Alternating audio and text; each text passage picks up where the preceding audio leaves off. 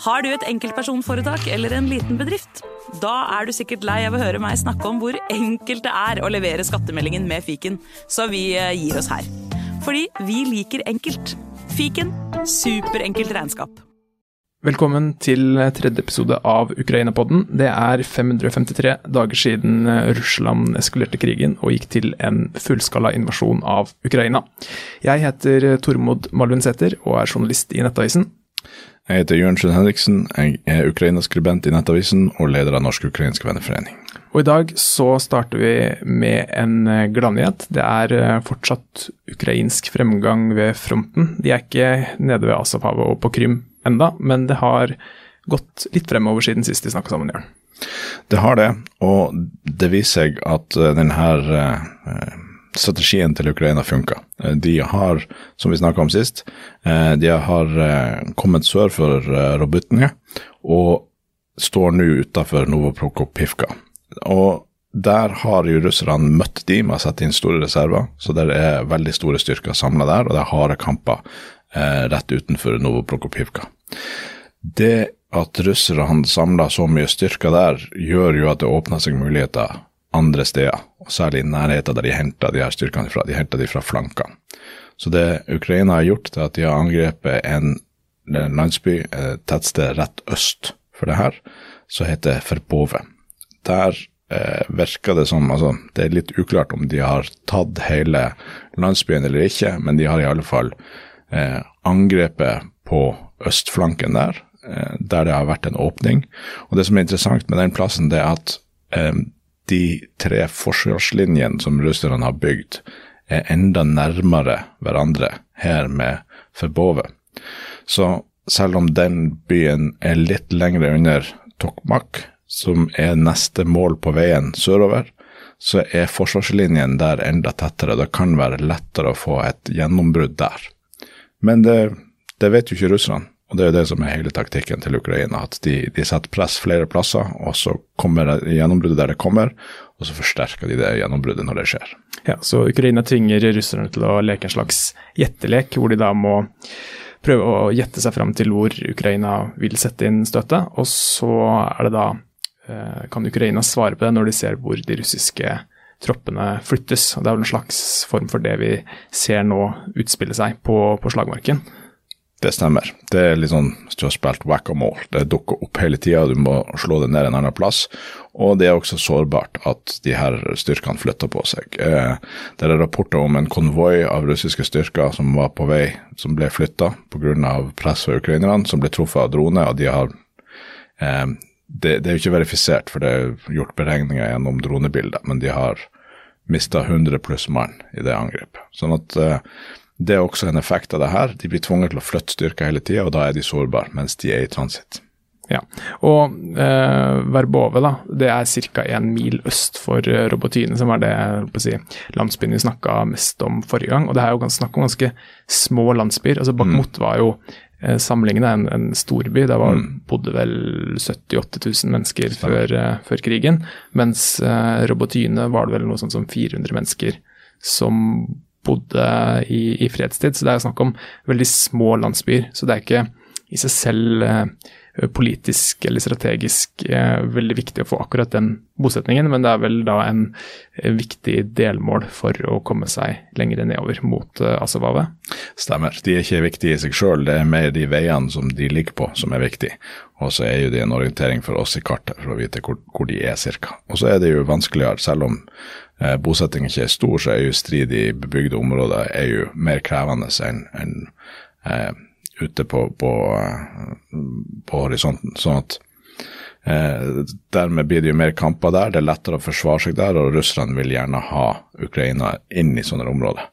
Um, og når du nevner Bakhmut, så er jo det interessant der også. Ukraina har jo eh, hatt fremgang både nord og sør for Bakhmut. Der er eh, Det omtales som at russerne er omringa.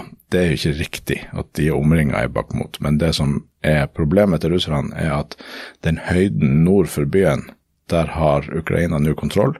Og der har de også ildkontroll over byen, så det er vanskeligere for russerne å bevege seg inn i byen. Det er også vanskeligere for de å trekke seg ut uten å bli skutt på.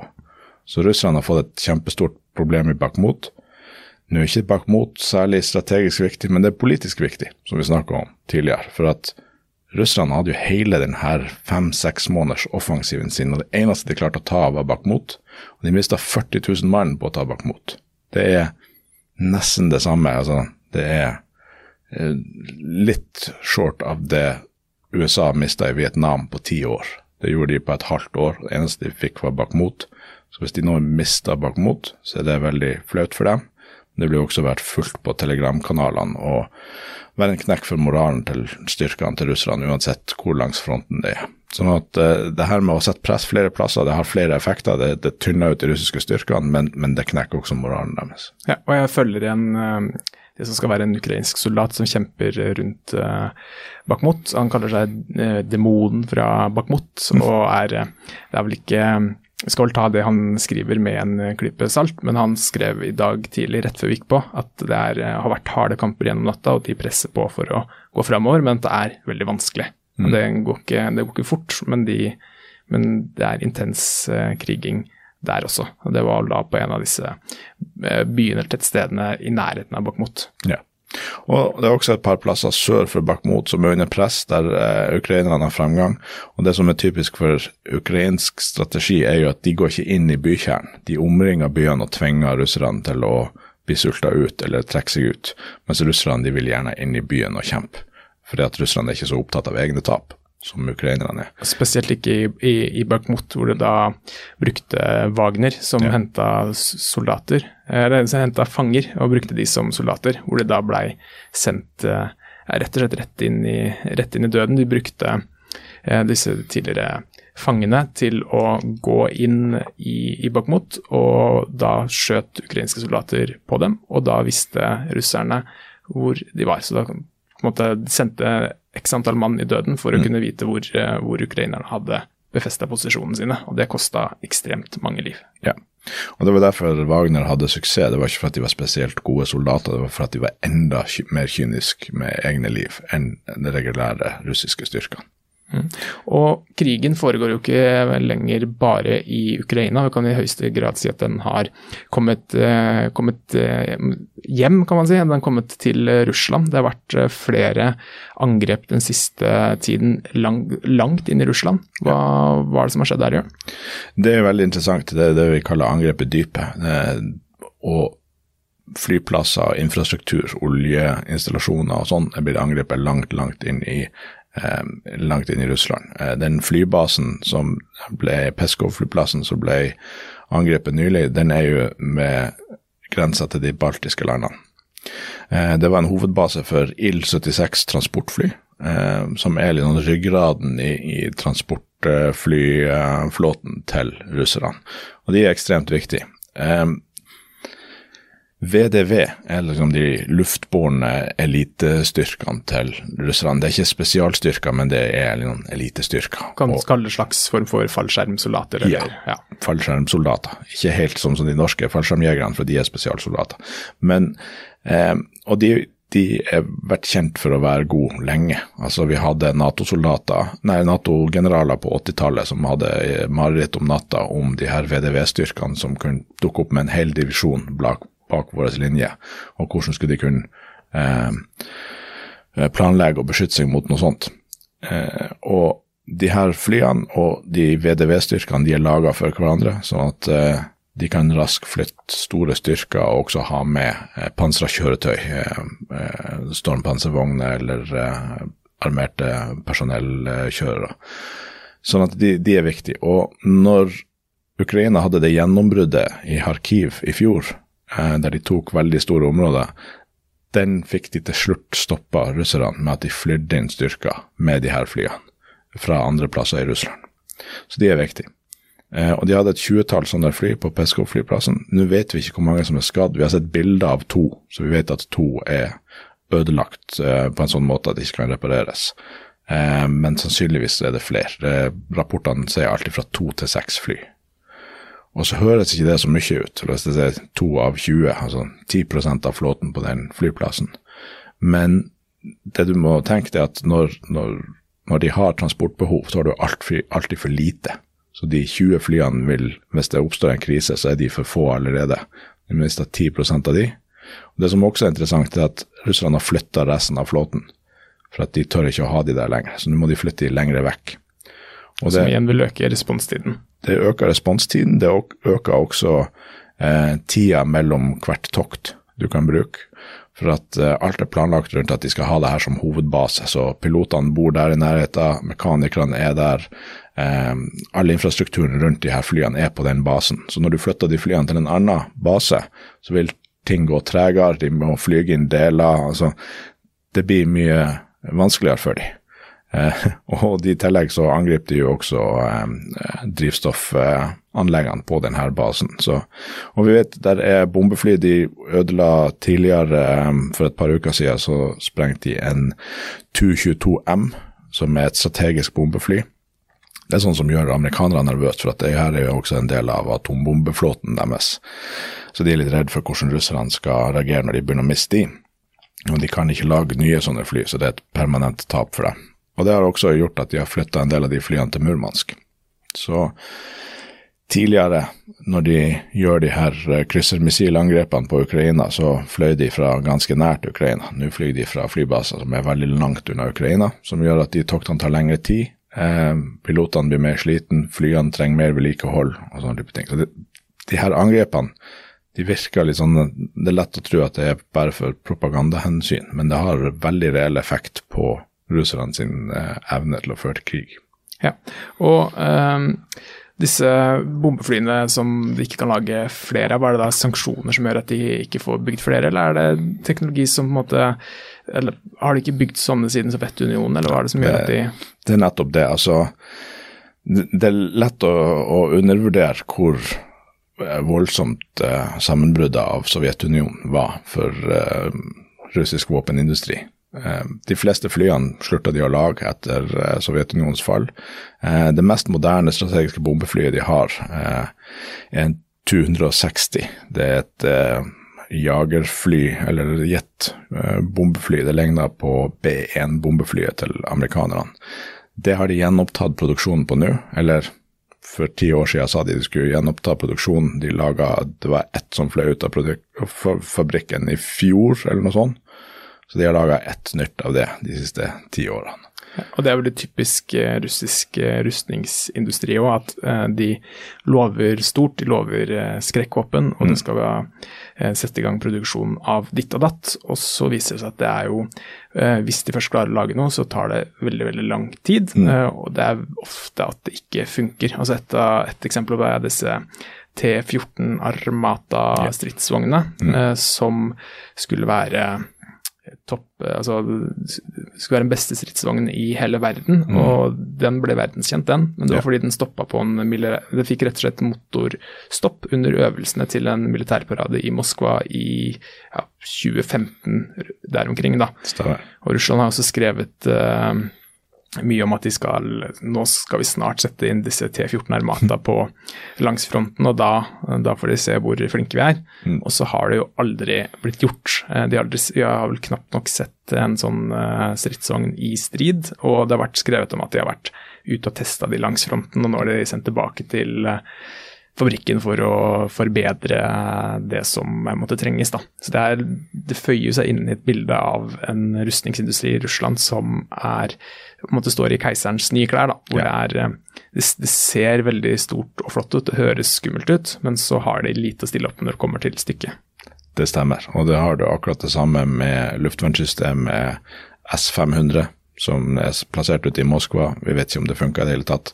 Su-57-en, som er mest kjent for at uh, det deltok i den nye Top Gun-filmen, uh, men i realiteten så, så, har det jo en sånn radar cross-section. Altså det, det, ser ut som et stealth-fly, men det er ikke et stealth-fly, for at russerne får ikke til å bygge stealth. Så at du har helt rett. Uh, en av de nyeste, mest moderne jagerbomberne de har, som de har brukt mye i Ukraina, en, den heter Su-34 Eh, men eh, den ble utvikla av Sovjetunionen. Den starta utviklinga av den på, på slutten av 80-tallet. Den hadde først eh, flytur i 1991 og ble operativ i 2014. Så de trengte tida fra 1991 til 2014 for å bli ferdig med det flyet. For at når Sovjet falt sammen, så falt liksom alt sammen. Ja, og det, også, det har kommet mange rapporter om utstrakt korrupsjon eh, i Russland. Altså, Russland er, har, sliter mye med korrupsjon, og det påvirker også rustningsbransjen og, og militæret. Så mye av problemene Russland nå har på slagmarken, kan man helt sikkert eh, tilskrive eh, korrupsjon. Det finnes mange helt ville historier om hvordan, hvordan eh, penger har forsvunnet eh, bort fra militæret og gått til å kjøpe luksusyachter og luksusvillaer rundt omkring i Europa og, og, Russland, for så vidt. Ja, og også motorer. altså Det er en grunn til at T62, altså en, en stridsvogn som ble starta med serieproduksjon i 1962, havna på slagfeltet, er jo for at motorene på de var så gamle at de ikke, hadde ikke noe verdi når de sto på lager. Mens de nyere stridsvognene de var gjerne tom for motorer når de skulle sendes til fronten, fordi at de har blitt stjålet og solgt på svartebørsen. Jepp. Så eh, hvis vi går tilbake til disse angrepene utover den strategiske betydningen, da, på at det har faktisk en effekt, men eh, har det noen effekt på den russiske sivilbefolkningen, eller setter, legger det noe press på regimet i Kreml? Så, så lukka som det russiske samfunnet er nå, så kan vi jo bare spekulere. Men det er ingen gode nyheter fra fronten. Eh, stadig flere russere har vært øyevitner til angrep på russisk jord. Eh, stadig flere familier kjenner noen som er blitt drept eller skada. Sånn at eh, populariteten til denne krigen må jo være fallende. Det er i hvert fall Eh, vi må jo anta at store deler av den russiske befolkninga nå vet at det ikke går superbra i Ukraina for de russiske styrkene. Og Det har også vært å nevne at disse eh, droneangrepene inn mot Russland de nevnes knapt på russiske nyhetssendinger. Det, noen nevner det ikke i det hele tatt, og det er i hvert fall ikke toppsaker eh, hos de nyhetssendingene som faktisk nevner det men de nevnes veldig mye på Telegram. Og den russiske befolkninga hører ikke på myndighetene når de får beskjed om å ikke filme og legge det her ut på Telegram, for de spres fort i videoene. Det er jo snakk om uh, minutter omtrent fra du får første rapport om at det skal ha skjedd, til du ser en video som, som viser selve eksplosjonen, eller, eller, hva det måtte være. Så denne sensuren funker, uh, funker dårlig. Eh, men jeg tenker vi skal eh, bevege oss videre til Vi skal snakke om forsvarsministre. Eh, I dag så ble det kjent at Ben Wallis, som er Storbritannias forsvarsminister, trekker seg. Det har jo vært venta at han ville gjøre det. Han også annonserte på forhånd at nå Eh, nå han, går han mot slutten i sin, sin periode. Mm. Han var en av favorittene til å ta over for eh, Jens, Jens Stoltenberg i Nato i, i våres, eh, men han nådde ikke opp der av forskjellige grunner. Mm. Men uh, hvordan, uh, hvordan, tror du Ukraina tak, tolker denne avgangen, og hvordan tar de det her? For Storbritannia, og spesielt Wallis, har jo vært svært ivrige støttespillere for Ukraina. Han har det, han har vært veldig viktig. Han, han har pusha eh, alliansen, eller de vestlige landene, til å være mer tøff og, og, gi Ukraina mer støtte. Så han har vært veldig viktig for saken. Eh, han er sannsynligvis eh, en av hovedpersonene bak at Ukraina har fått Storm Shadow, eh, langtrekkende missiler som, som har gitt dem en kapasitet til å nå hele det okkuperte Ukraina. de får også lov til å bruke den på Krim. Det er ikke amerikanerne så fornøyd med de amerikanerne er ganske skeptiske til, til, de her langtrekkende missilene, og at uh, Ukraina angrep uh, Krimhalvøya hele tida. Og det kan nok også der, være derfor Ben Wallis ikke ble generalsekretær i Nato, for han har pusha amerikanerne veldig hardt. Han blir sett på som for haukete eller for, for hissig blant enkelte? Ja, og, og, kan også ha blitt upopulær hos amerikanerne, for han har pusha de så hardt. Og det har vært en veldig viktig jobb han har gjort. Kanskje mista Nato-generalsekretærjobben pga. det, men det har vært nødvendig for at fra å være de som var lengst fremme i begynnelsen, så har, amerikanerne blitt ganske forsiktige. Altså, De tingene de gir Ukraina, det gir de veldig mye av. Så når de først har gitt dem en teknologi, så pøser de på. De, de sender det som trengs. Så det er veldig bra. Men de er litt for forsiktige og spesielt det her med å angripe Krim eller inne i Russland, mens britene har vært mer sånn slapp av, stol på oss, vi kjenner russerne, de kommer ikke, de er store ord, du trenger ikke være redd, bare pøs på. Og det kan jo hende at det kommer en ny, veldig dyktig eh, britisk forsvarsminister, men jeg blir litt nervøs av at Ben Wallace går av, for at han har vært en av de her altså skal aldri overvurdere enkeltpersoner, men han har vært en av de her enkeltpersonene som har vært veldig viktig hittil i krigen. Det skal sies at Den uh, britiske regjeringen består jo, og Rishi Sunak fortsetter som statsminister. Mm. Så, så måtte støtteapparatet rundt Wallace vil jo Resten av regjeringen vil jo bestå. og Så får vi se hvordan den nye forsvarsministeren uh, hva slags posisjon han velger overfor Ukraina. Men Ukraina-støtten i Storbritannia har vært veldig sterk i, i, hele samfunnet. Så det blir nok ikke en total omlegging av Ukraina-politikken, vil jeg tro. Og så spørs det om de da vil få en ny minister som vil være like eh, ivrig på å gå foran som Bolles har vært. For Storbritannia var de jo først De fikk jo Zelenskyj til å posere foran et jagerfly med jagerflyhjelm nå i vinter. De mm. var tidlig ute med å gi de stridsvogner. og Det var de som på en måte åpna døra for at uh, De ga Challenger 2-tanksen som ja. uh, åpna det hele. Ja, og det var jo en,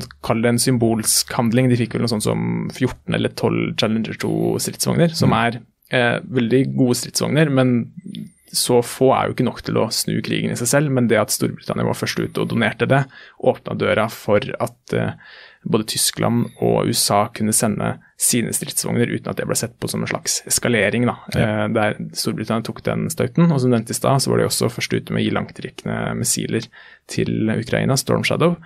Og ettertid så har vel franskmenn uh, meldt seg på, i hvert fall sagt at de ja. skal gjøre det. Usikkert om det har kommet fram til Ukraina ennå? De, de, det er rett og slett Storm Shadow det franskmenn også skal gi. De bare har et fransk navn på det for at det er en fransk-britisk samproduksjon. Og så har uh, Tyskland sagt at de skal gi Taurus, som er også en veldig lignende missil som, som Storm.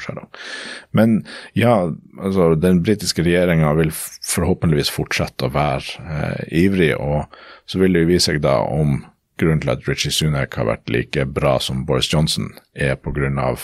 Uh, Richie Sunak, eller om det er pga. Bell Wallis. Um, men enkeltpersoner, karismatiske enkeltpersoner som, som dytter saken framover, er viktig. Bare se på hvor viktig Winston Churchill var under andre verdenskrig. Personlighet har noe å si. Så jeg, jeg håper virkelig at eh, riktig person fyller skoen til Ben Wallis. Ja. Og vi, Nå skal vi fortsette å snakke om forsvarsministre, men det har kommet rykter i dag om at den ukrainske forsvarsministeren, Resnikov, eh, skal eh, trekke seg eller gå av og bli ambassadør i Storbritannia. Eh, det var en ukrainsk opposisjonspolitiker som, som sa det her, så det her er ikke bekreftet fra offisielt hold. Og det var også snakk om det i vinter en gang, at mm. Resnikov var ferdig. Eh, da fikk han fortsette, så vi må jo ta det her med en klype salt. Men hva kan du si om Resnikov? Hva vet, altså hvordan, hvor viktig har han vært for at Ukraina har fått såpass stor støtte som han har fått? Han er jo vel likt, og årsaken til at han ryktes å være på vei ut, er jo vanskelig å si. om man er misfornøyd med fremgangen i offensiven, eller hvordan våpenstøtte Ukraina får eller ikke, det vet man ikke. Kanskje kanskje det er ekstra viktig å ha eh, toppfolk i London nå når Ben Wallis går av. Så det er nok ingen røyk uten ild her, i og med at det er andre gang det her kommer fram. Men, men årsakene bak eh, er vanskelig å si. Men det å være forsvarsminister i Ukraina må være en veldig krevende jobb. Sånn at, eh, at det oppstår potensielle uenigheter innad i regjeringa, eller at folk skiftes ut eh, underveis i en sånn krig, er ikke uvanlig.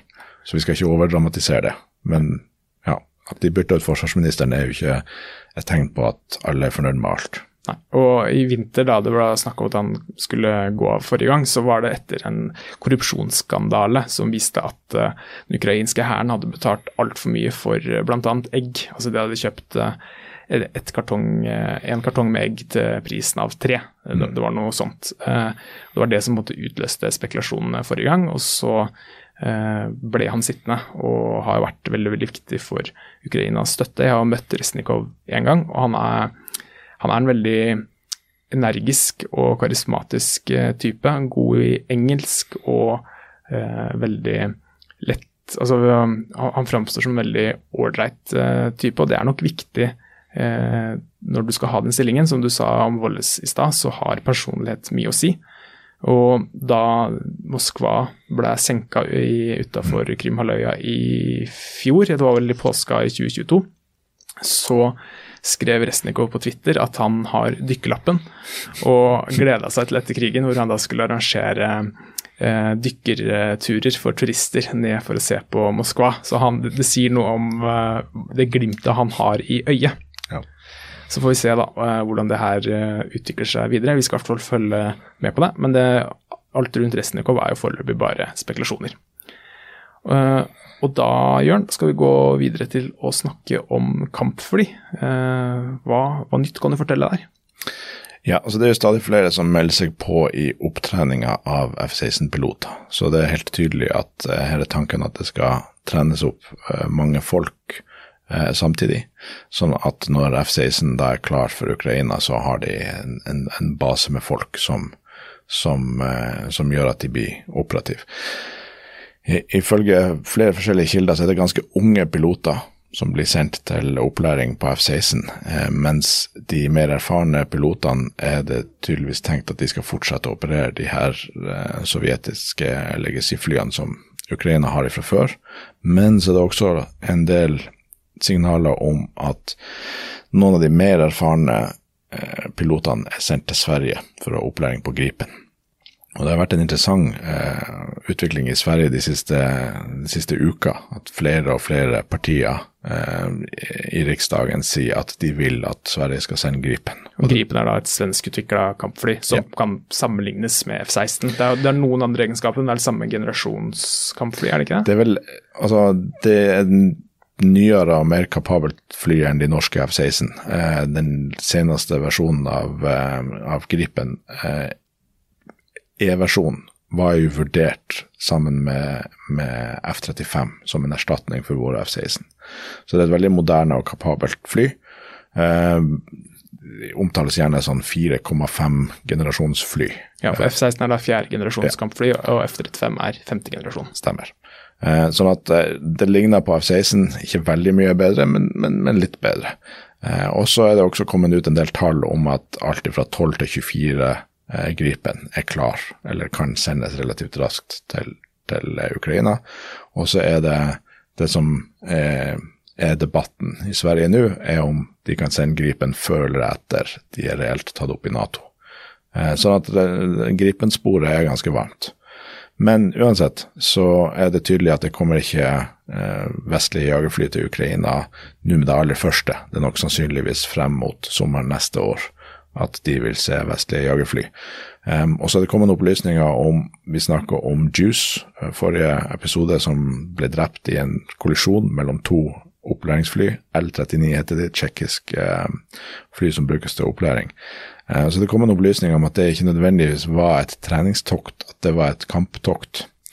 Uh, og samtidig så er det kommet en eh, Altså har amerikanerne offentliggjort at de gir en luft, en kortdistanse luft-til-luft-missil som heter Sidewinder. I utgangspunktet så kunne man tenke at det var til eh, NASAM-systemet, luftvern. Men det her er en eldre versjon av den missilen, en, en Sidewinder M. Og eh, NASAMS kan bare bruke Sidewinder X. Eh, så det her må brukes luft til luft. Og i utgangspunktet så kan ikke de sovjetiske jagerflyene bruke Sidewinder. Men den er blitt brukt på L39 i andre land. Eh, så det kan være at de har nå tenkt å bruke de her treningsflyene til å eh, skyte ned russiske kryssermissiler. For nå nærmer vi oss en ny vinter, og eh, igjen kommer nok russerne til å prøve å ta ut eh, kraftinfrastruktur i Ukraina, sånn at byene skal fryse, og da trenger de flere fly til å, å passe på det luftrommet. Og Eh, Sidewinder, siden det er en varmesøkende missil, så trenger ikke det en radar. De her flyene har ikke radar. Så det, det gir mening å, å, å, gjøre det her, hvis, hvis, det er en plan. Men eh, å få flere fly, sånn at de ikke sliter ut MiG-29 og Su-27, som de bruker denne rollen fra før, til å kunne patruljere luftrommet og kunne skyte ned droner og kryssermissiler, eh, det gir mening. Men det er jo trist at, at vi ikke har klart å gi de Eh, F-16 raskere, sånn at de kunne vært mer beskytta gjennom vinteren. Ja, og det, Disse treningsflyene det er jo da gamle fly. altså de er jo, Skrogen er fra 70-tallet i hvert fall. Det eh, stemmer. Så, og Det har vært grunn til at de har blitt brukt til trening og ikke i operativ kamp hittil. Så det sier noe om hvilket desperat behov Ukraina har for å få både eh, nye, men ikke minst flere kampfly for å styrke luftforsvaret sitt. Det stemmer, og det viser jo Altså, det er et ekstremt behov de har, og det er et direkte forhold til, mellom eh, hvor raskt de får vestlige jagerfly og hvor mange sivile som vil dø.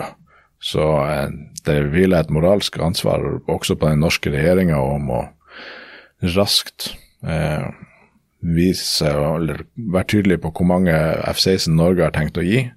Og jeg mener at det er viktig at de også setter i gang og, og får finansiert det og, og satt i stand de F-16-flyene som nå er designert som ikke flybar. Men vi har jo hørt uh, fra i forskjellige mediesaker at kilder i Forsvaret sier at de kan fint settes i stand. Det er et spørsmål om penger. Og uh, Norge skal ha, og regjeringa skal ha stor skryt for at vi har gitt mye militær støtte og finansiell støtte til Ukraina. Men uh, det er de som slåss, det er de som dør i denne krigen, og penger har vi en god del av.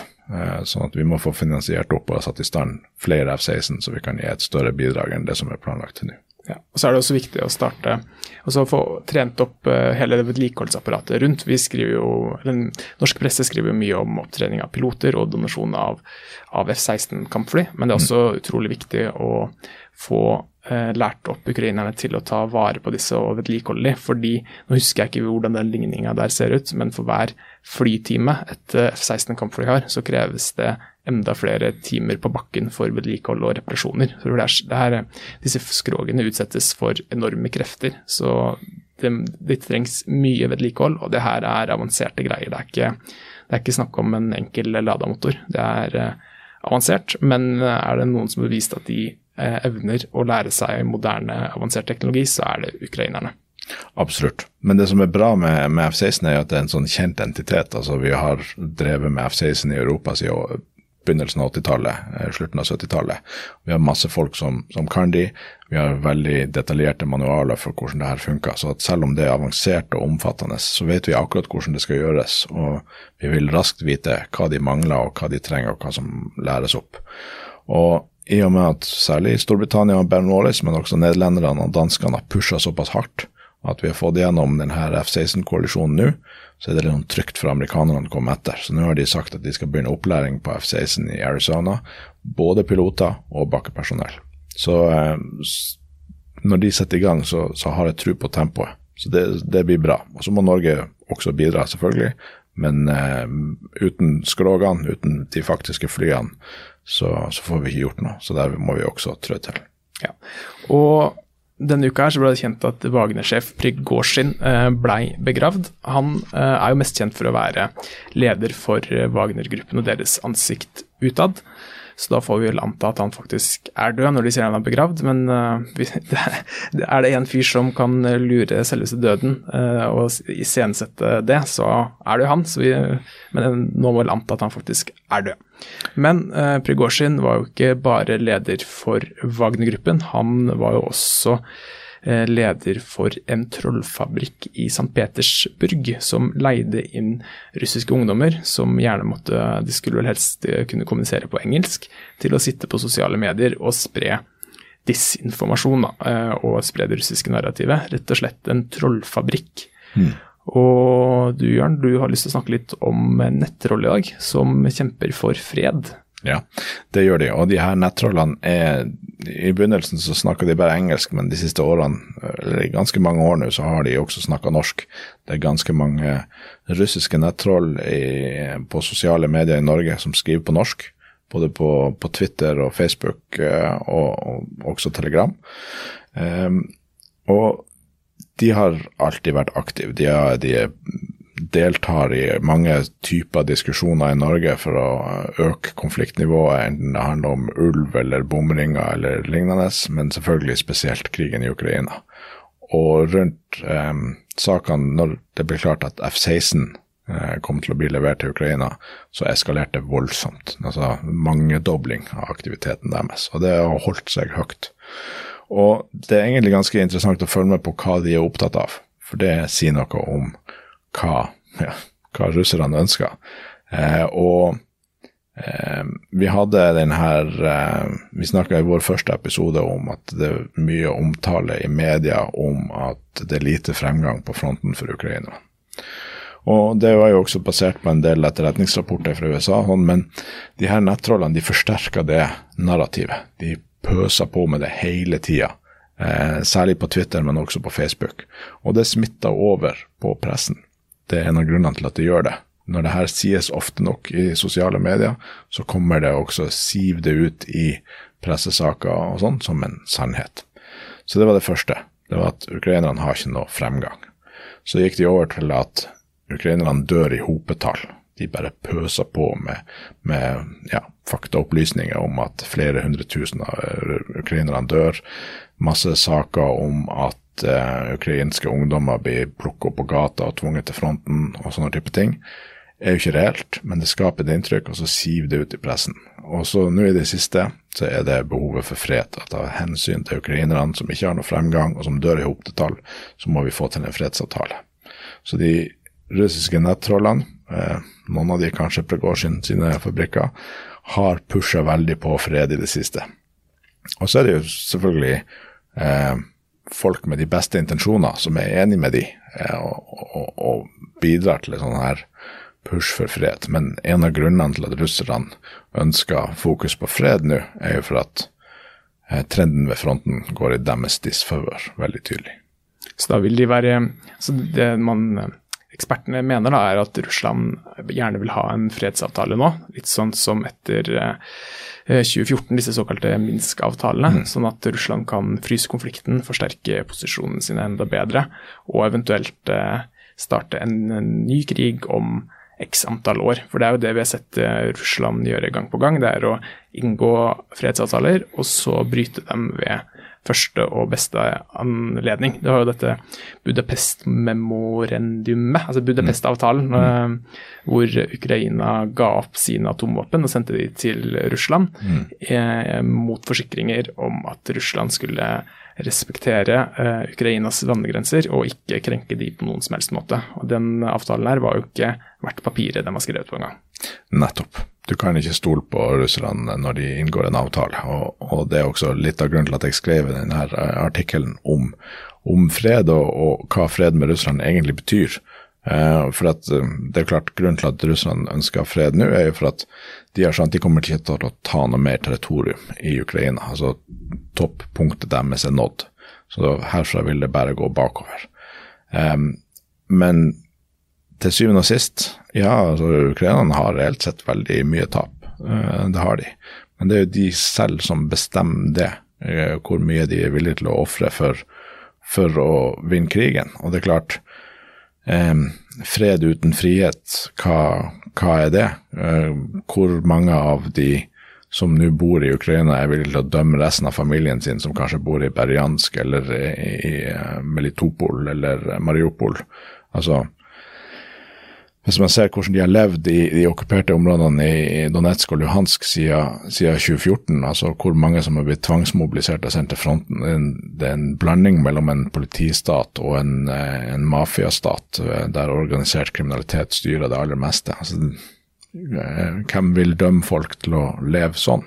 Det er i alle fall helt opp til ukrainerne. og eh, jeg er veldig opptatt av at vi i Vesten ikke skal begynne å forhandle fred på vegne av ukrainerne, en fred som de sjøl ikke ønsker. De må gjøre denne avveininga av hvor mye koster krigen, og hva er de villige til å gjøre for å vinne freden. Jeg vil si da, til de som eh, argumenterer for at eh, Vesten har et ansvar for å få slutt på krigen og stoppe dette blodbadet som det faktisk er. Det, det, det er det, dette er jo et budskap som blir gjentatt med både jevne og ujevne mellomrom. Ja, jeg vil spørre deg, hvem er det du, hvem er det du pusher freden på vegne av? Er det det ukrainske folket? For det ukrainske folket ønsker ikke å avgi deler av landet sitt til Russland. Eh, hvis, hvis eh, Zelinskyj hadde inngått en fredsavtale nå, at grensa ble der, den, der fronten ligger nå, så hadde han kommet til å bli kasta av folket, og så hadde krigen fortsatt. Fordi at eh, veldig, altså store deler av befolkninga i de okkuperte områdene flytta jo på seg når russerne kom, så det er veldig mange folk som vil tilbake til hjemmene sine, eller som har familie igjen i de områdene, og som ikke er villige til å ja, dømme de til å leve under russisk okkupasjon. Ja. Der fikk de svar på tiltale. Eh, og i den eh, kronikken eller debattinnlegget du skrev, så trakk du fram eh, 9.4.1940. Eh, da kom jo freden til Norge på mange Nei, 10. juni. 10. juni, beklager. 9. april så invaderte eh, Nazi-Tyskland Norge. Mm. Og 10. juni så la eh, norske styrker ned våpnene, og freden kom til Norge. Mm. Men vi feirer ikke noen fredsdag den 10. juni. Nei, vi feirer frigjøringsdagen 8. mai, fordi at det vi vil ha, er jo frihet. Frihet til å bestemme over egne liv, frihet til å velge våre ledere, eh, frihet til å mene det vi vil og si det vi vil. Og det er jo også det, er det som er hele kjernen i denne krigen, at ukrainerne har ønska det hele veien. Og derfor de forkasta eh, valgresultatene i 2004 under oransjerevolusjonen, for de aksepterte ikke valgfusk fordi at de ville velge sine egne ledere. Eh, Det var derfor de ikke aksepterte at eh, Janukovitsj gikk bort ifra eh, tilknytning til EU. For det var, altså, de vil bestemme sin egen fremtid, de vil bestemme at de skal være et demokrati. Han ble kasta i en folkelig revolusjon. Konsekvensen av det ble at Russland invaderte, og de har en krig. Eh, Men selv om kostnadene av den krigen er høy, så insisterer de på å bestemme sjøl. De insisterer på denne friheten som vi feirer 8. mai, og så får vi se hvilken dato eh, ukrainerne endelig vinner på å få kasta ut russerne, og som de vil feire, i fremtida på samme måten som vi feirer 8. mai. Ja. Og forrige episode så snakka vi en hel del om Jan Petrovskij, denne norsk-russiske nynazisten som er pågrepet i Finland. Og vi har fått litt mer informasjon eh, siden den gangen. Eh, kona hans studerte i Finland og fikk oppholdstillatelse der. Og han selv hadde oppholdstillatelse i Finland under sitt eh, nye navn. Nå husker jeg ikke fornavnet, men etternavnet var Torden. Eh, så det er på en måte Selv om han, eh, Jan Petrovskij er sanksjonert fra både EU og USA, så klarte han da på en måte å lure dette finske immigrasjonssystemet med sitt nye navn. Det klarte de ikke å gjennomskue, så da fikk han oppholdstillatelse i Finland, noe som slapp han inn i hele Schengen-området. Og da på flyplassen eh, han blei pågrepet, og har da sittet fengsla siden 20. Denne Rusic-gruppen, som er eh, ja, en nynazistisk eh, kampgruppe som eh, har kjempa både i Syria og Ukraina, de sa jo at de ville legge ned våpenet fram til han ble utlevert. Tirsdag så starta de en kronerulling for å finansiere advokathjelpen til Jan Petrovskij. Og i løpet av et par timer tirsdag så skriver Rusic selv at de har samla inn eh, mye penger. Eh, Det var 94 000 kroner klarte de å samle inn i løpet av et par timer på tirsdag. Skriver de selv i hvert fall på Telegram-kanalen sin. Det må vi, som som mye annet fra, fra Russland, så må vi også ta det med en, med en klippe salt. Men de skrev i hvert fall at eh, de hadde fått enorm støtte for å få Petrovskij De ville ha han utlevert tilbake til Russland. Deres største frykt er at han skal havne i ukrainsk fangenskap og bli tiltalt der for krigsforbrytelser begått i 2014 og 2015. For det er det Ukraina eh, vil tiltale han for. Og det er det altså derfor de etterlyste han og bedt Finland om å få han utlevert. Eh, sammen med kona si så har Petroski tre barn. På Telegram så skriver Rusic at den yngste er eh, jeg lurer på om det var under et år, så det er en ganske små barn det er snakk om. Og kona har kommet med en uttalelse som jeg tenkte jeg skulle lese opp. Det her eh, er da så skal komme direkte fra henne. Mange som glemmer å stigmatisere Jan eh, for hans høyreorienterte synspunkter. Da glemmer de at Jan først og fremst er en ekte russisk kriger som mange ganger ikke var redd for å risikere livet og for å beskytte det russiske folket og landets interesser. Nå er tiden inne for å forene oss, til tross for forskjellene, og for å vise fienden at vi alle kan være sammen, at vi ikke er likegyldige til skjebnen til våre landsmenn, selv om våre synspunkter ikke er sammenfallende, og at du ikke bare kan utlevere en borger av Russland til sikker død og misbruk i Ukraina, i strid med loven og internasjonal lov. Familien vår takker dere alle. Vi hadde ikke regnet med at så mange ville svare på rop om hjelp.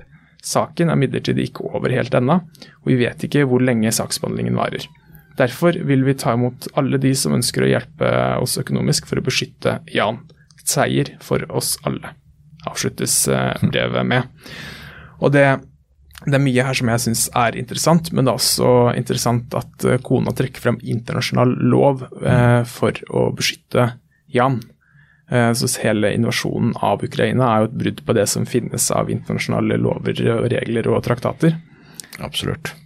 Og hvis de er så opptatt av Russland og seier og alt det her, hvorfor i all verden er de i Finland da?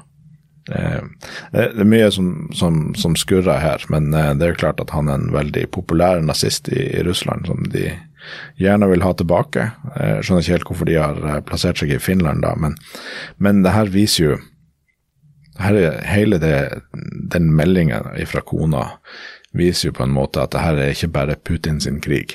Altså, her er det veldig mye ja, det, det, som kalles sånn rusk i mir, som viser fram eh, tanken om russerne som noe spesielt, og som, som noe sterkere og større og viktigere enn noe andre, som er også en, en del av hele det narrativet som de har klart å skape, uh, og en slags umenneskeliggjøring av ukrainerne som gjør det greit for dem å, drepe sivile og, liksom se ned på ukrainerne som folk og som, som, kultur. Så det er jo et innblikk i, i, i deres tenkemåte, uh, og, og, sånn sett veldig interessant. Og Rusic, uh, som er denne nynazistgruppen hans de har skrevet på Telegram tidligere i krigen at eh, også ukrainske barn må drepes fordi de vil vokse opp til å bli fiender av Russland. Så det sier noe om menneskesynet som denne Petrovskij da representerer. Uh, ja. Og så er det også verdt å nevne at uh, kona skriver at han vil bli sendt i, til en sikker død og misbruk i Ukraina. Og Ukraina har, uh, de har um, inspeksjoner fra internasjonale delegasjoner som mm. passer på hvordan de behandler krigsfanger. og Der er det ikke funnet noe brudd på noe som helst. Altså det, de, de, behandler sine krigsfanger godt. Eh, det, ikke, det, er nok ikke behagelig å være der, men de blir eh, behandla slik som de skal behandles. Det er ingen, ingen grunn for, for å anklage Ukraina for å behandle krigsfanger umenneskelig eller i strid med gjeldende lov, lovverk. Han vil nok ha en mye lengre forventa levetid hvis han blir utlevert til Ukraina, enn om han havner tilbake i Russland. Av, av mange årsaker. Altså, eh, som du sier, altså, selv om Ukraina har sine svakheter og har mye problemer med korrupsjon, så er det jo først og fremst en rettsstat som følger reglene. Mens hvis han faktisk klarer å komme seg tilbake til Russland, så kan han jo både dø på fronten, han kan dø i en flyulykke eller en vinduulykke fordi at han hoppa av til Finland tilsynelatende. Men ukrainerne er også De glemmer ikke de som har begått krigsforbrytelser. Det var nylig en uh, ubåtkaptein som ble drept på joggetur i Russland eh, av, uh, russis, av, ukrainsk etterretning, fordi at de har pekt ut han som ansvarlig for å sende kryssermissiler fra ubåten inn i bebygde områder, en ren terrorbombing. Så, så han ble tatt. De sier også at Pga. Uh, overvåkningsbilder så har de ansiktet til hver og en av de som begikk eh, krigsforbrytelser i Butsja. Så selv om det tar tid, så vil før eller senere eh, de bli utsatt for eh, svar fra Ukraina. Så det vil også han, om han velger å, å flytte tilbake til Russland. Så hvis hun, hvis hun er bekymra for livet hans, så er kanskje ikke utlevering til Ukraina så dumt. Det er ikke sikkert det er det verste. Nei. Uh, og da tenker vi skal runde av i dag, men jeg har lyst til å avslutte med uh, en uh, nyhet som vi syns er veldig stas. Vi har klatra til 30.-plass på topplista til Spotify over norske podkaster. Det er jo en liten andedam, men det er jo veldig veldig kult at det blir tatt såpass godt imot. Det er stas at folk uh, lytter på oss og syns at det er interessant. Uh, for å gjøre det enda mer interessant, så vil jeg minne dere om e-postadressen uh, vår der dere kan sende inn lytterspørsmål, som er ukrainapodden at nettavisen.no. Yes, der er det bare å sende inn spørsmål eller tilbakemeldinger, eller hvis du bare har lyst til å si hei.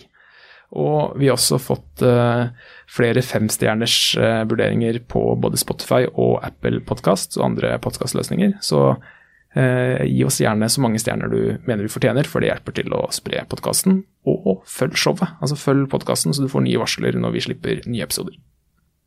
Og da er det bare å si takk for nå, og vi lyttes.